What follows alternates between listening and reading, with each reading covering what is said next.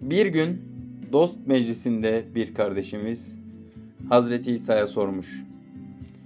Bir ölüyü diriltmekten daha zor ne olabilir ki? Hazreti İsa düşünmeden şu cevabı vermiş. İfhamu men la yefhem. Yani Türkçe meali anlamayanı anlatmaktır demiş.